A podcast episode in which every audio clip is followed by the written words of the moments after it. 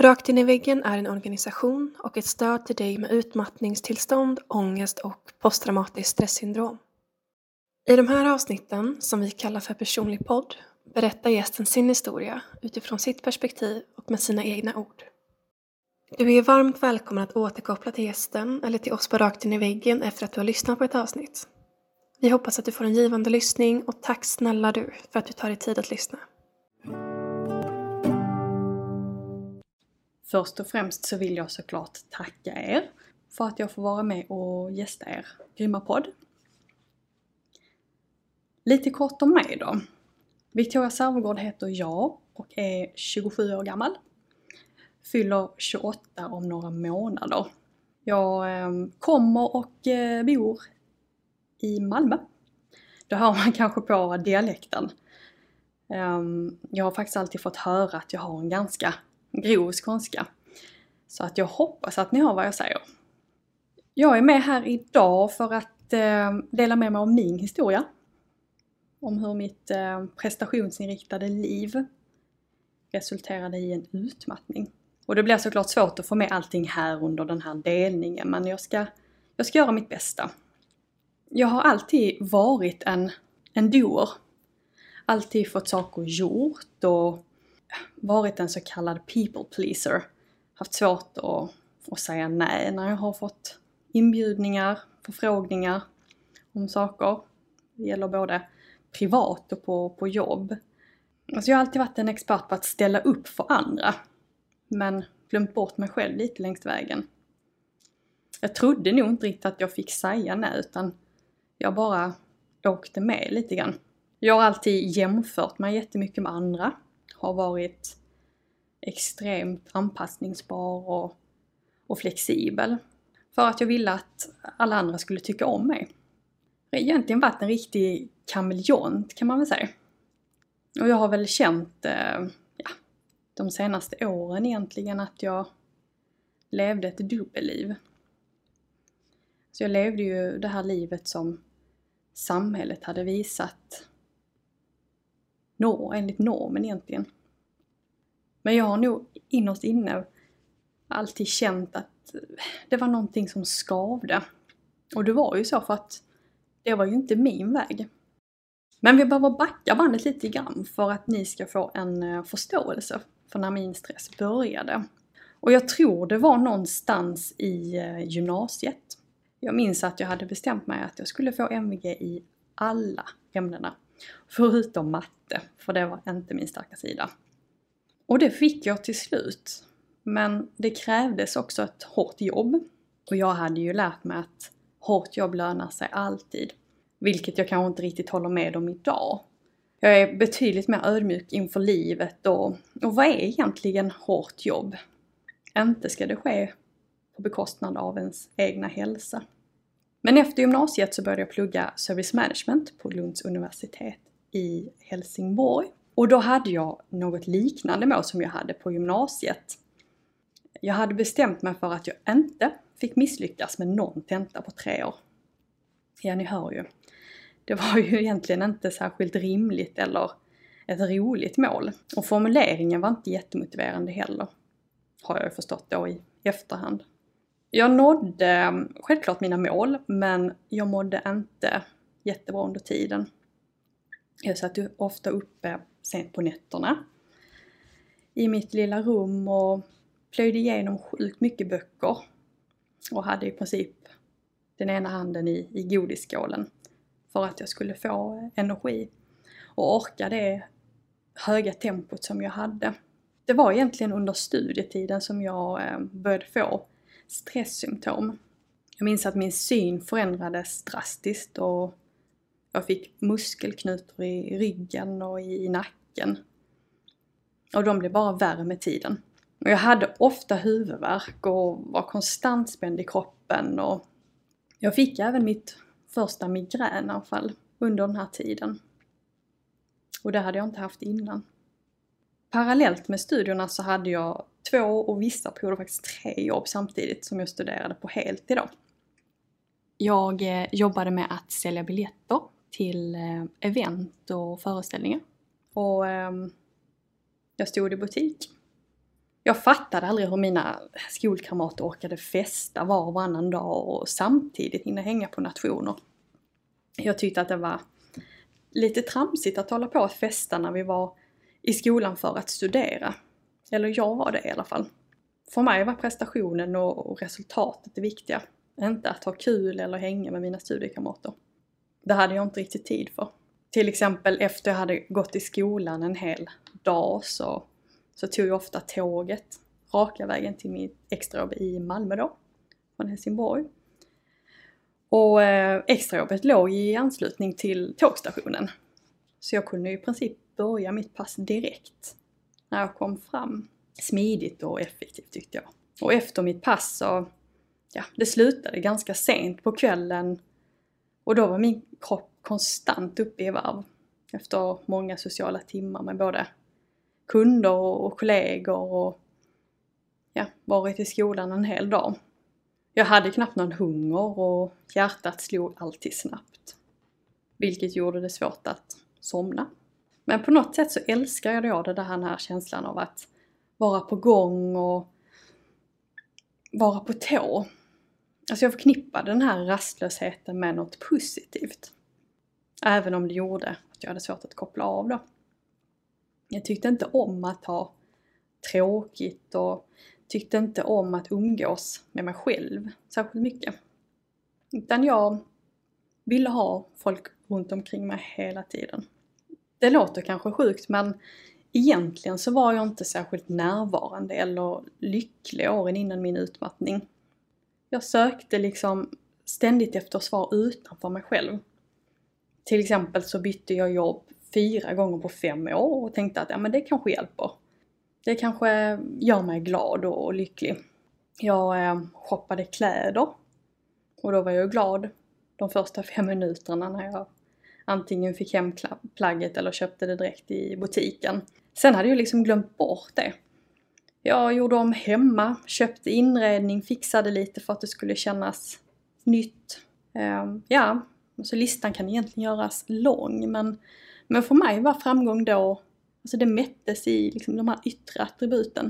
Det var väldigt eh, materialistiskt.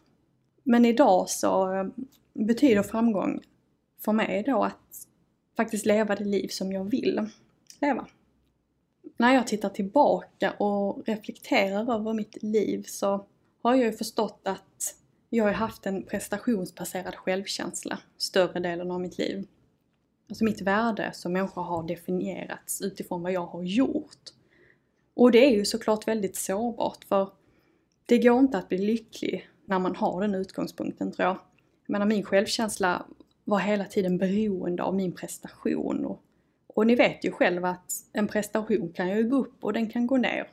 Och den kan också vara väldigt beroende av andra. Den är helt enkelt väldigt flyktig och, och bunden till respektive situation. Men den här prestationsinriktade strategin som jag använde mig utav då i, ja, i nästan över tio år, den fungerade ju uppenbarligen.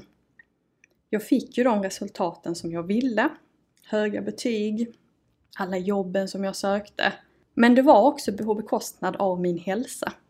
Och till slut så ledde ju faktiskt mig den här strategin mig rakt in i väggen. Jag blev sjukskriven för eh, utmattningssyndrom 2017 och det var fruktansvärt. Jag som var ung, mitt i karriären, jag såg aldrig det komma egentligen och hade aldrig kunnat ana hur pass allvarlig den här sjukdomen är förrän jag själv faktiskt blev drabbad. Och det kändes som att, jag vet inte, allt som jag hade byggt upp bara försvann i, i samma veva och, och jag var inte mig själv längre. Jag var väldigt arg på, på mig själv och hela den här situationen. Hur jag hade hamnat här och att det var mitt fel. Jag hade ju inte tid att vara sjuk. Jag hade ju deadline om två dagar minns jag när jag satt där på läkarbesöket. Samtidigt så såg jag det nog väldigt kortsiktigt och tyckte att ja men det är väl lite befriande att bli sjukskriven för då kan jag äntligen få sova. Och det var det enda jag ville. Att bara få sova. Och det gjorde jag också. Jag sov typ 16-18 timmar per dag i, i flera månader.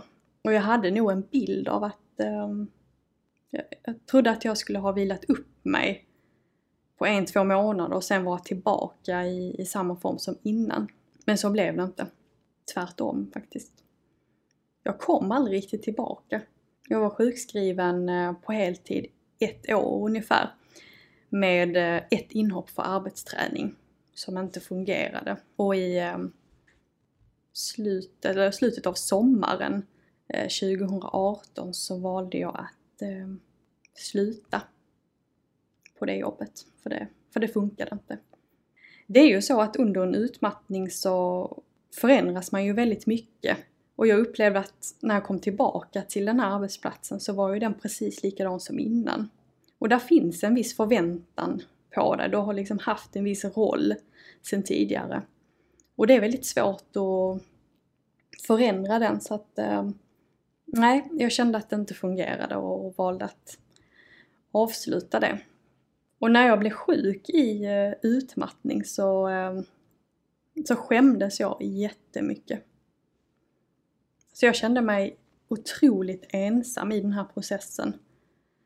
Ehm, och just då när jag blev sjukskriven så ehm, bodde jag ungefär 300 meter från eh, mitt tidigare jobb då. Så jag var ju jag var livrädd att gå ut på dagarna.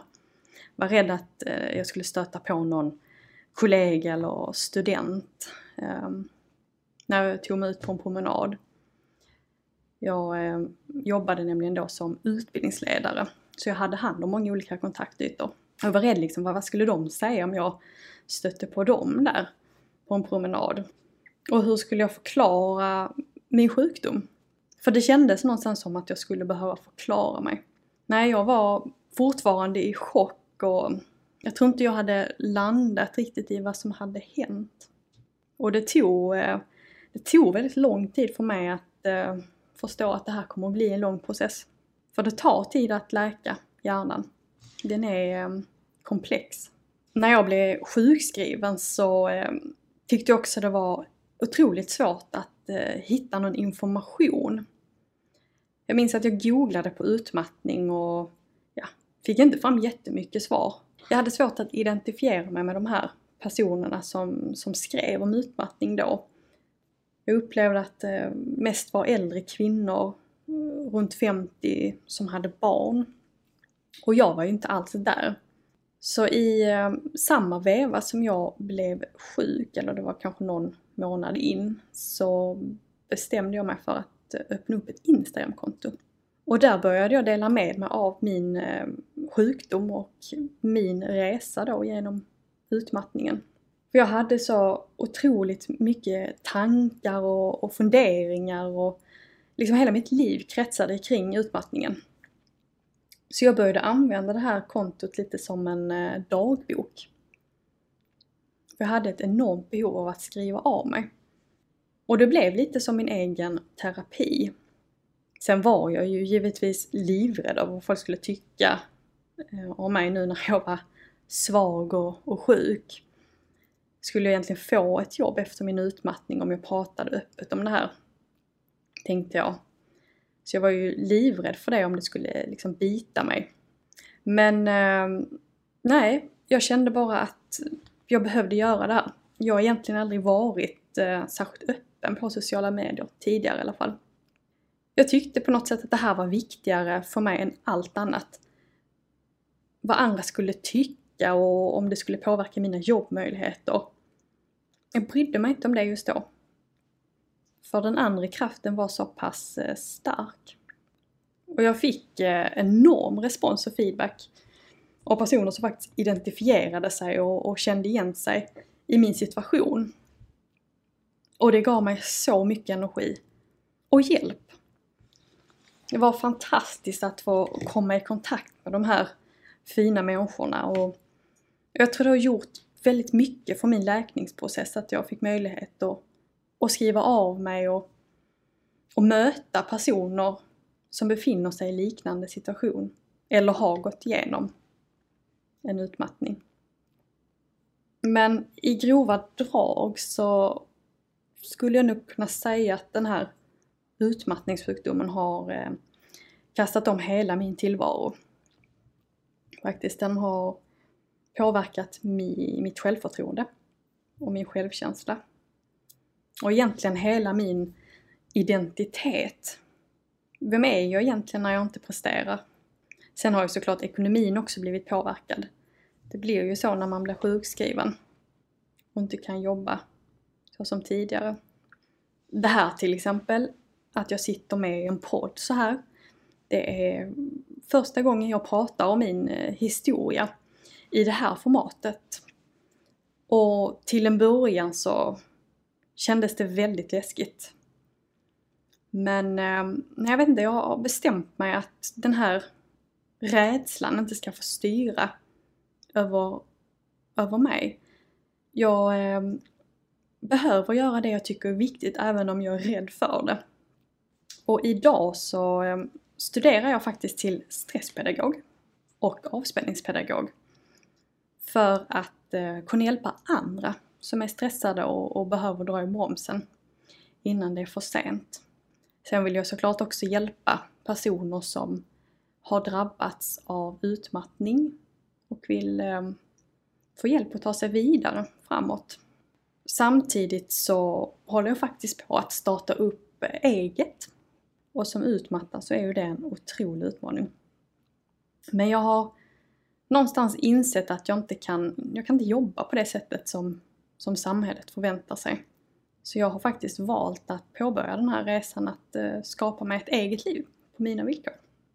Och som avslutning så vill jag faktiskt säga till dig som lyssnar på det här att eh, ibland kan ett myrsteg i rätt riktning faktiskt bli det största steget i ditt liv. Små steg framåt är ju fortfarande steg.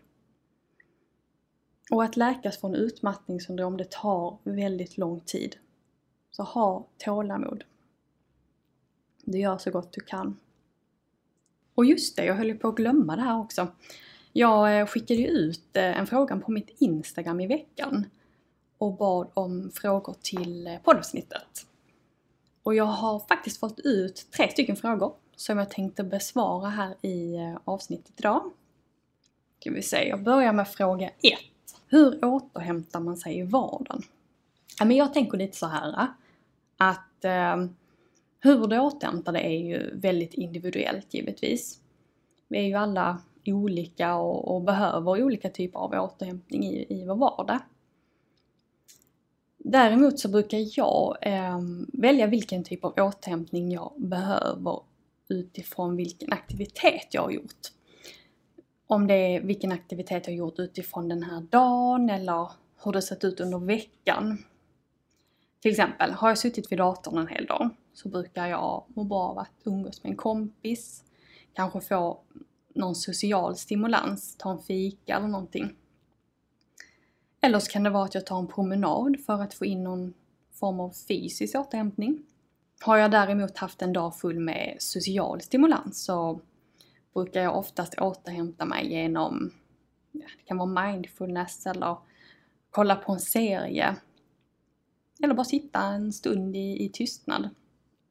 Så det beror helt enkelt på lite utifrån vilken aktivitet jag har eh, utfört under dagen eller under veckan. Så, så brukar jag tänka. Fråga två då. Hur kan du hjälpa en närstående som mår dåligt? Först och främst så är det ju viktigt att förstå att det är otroligt svårt att hjälpa någon som inte vill bli hjälpt, som lever i den här förnekelsefasen.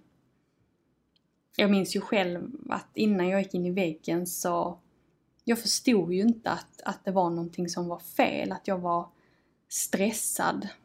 Så jag vet inte, även om jag hade fått höra att du måste ta hjälp och så vidare, så vet jag inte om jag hade gjort det egentligen.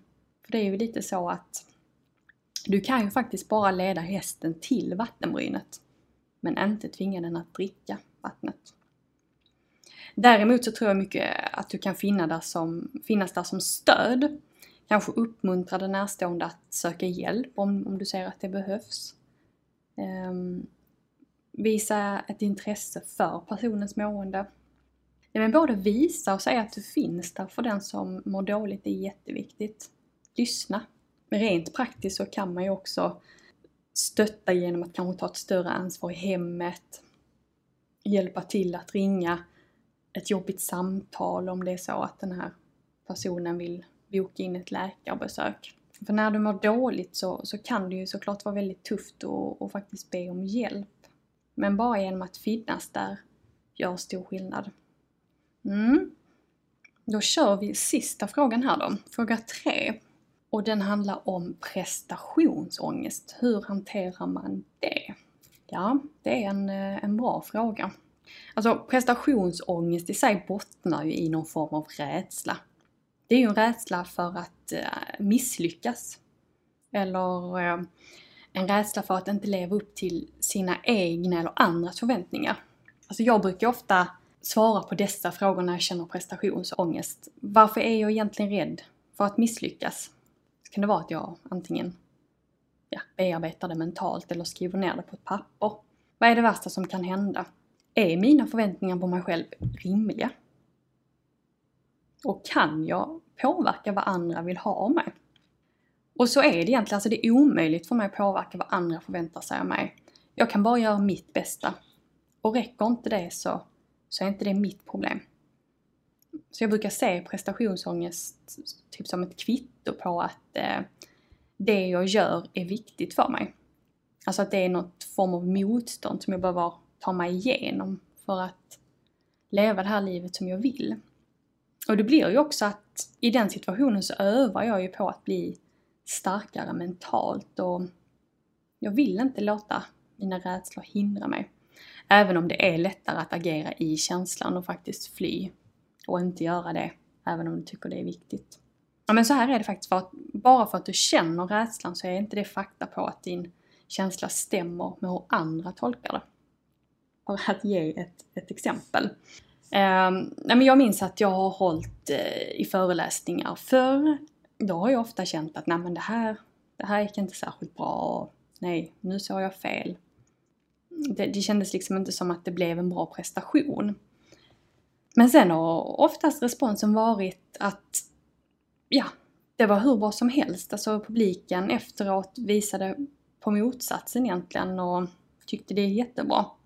Ja, men så att försöka ta avstånd och inte låta rädslan begränsa ditt liv är väl, ett, är väl, är väl en bra riktlinje. Ja, det var nog allt för mig då. Stort tack för att ni ville lyssna på det här avsnittet. Vill du komma i kontakt med mig så gör du det lättast via mitt eh, Instagramkonto, utmattningen.se. Och jag hoppas att vi ses och tar hand om dig tills dess. Hej hej! Vill du också medverka i Rakt in i väggens podcast? Besök vår hemsida för mer information på www.raktinivaggen.com medverkan. Om du vill tipsa oss om en poddgäst eller om du har en fråga eller synpunkt på det vi gör kan du alltid mejla oss på podcast raktinivaggen.com för att få svar. Tack för att du lyssnar!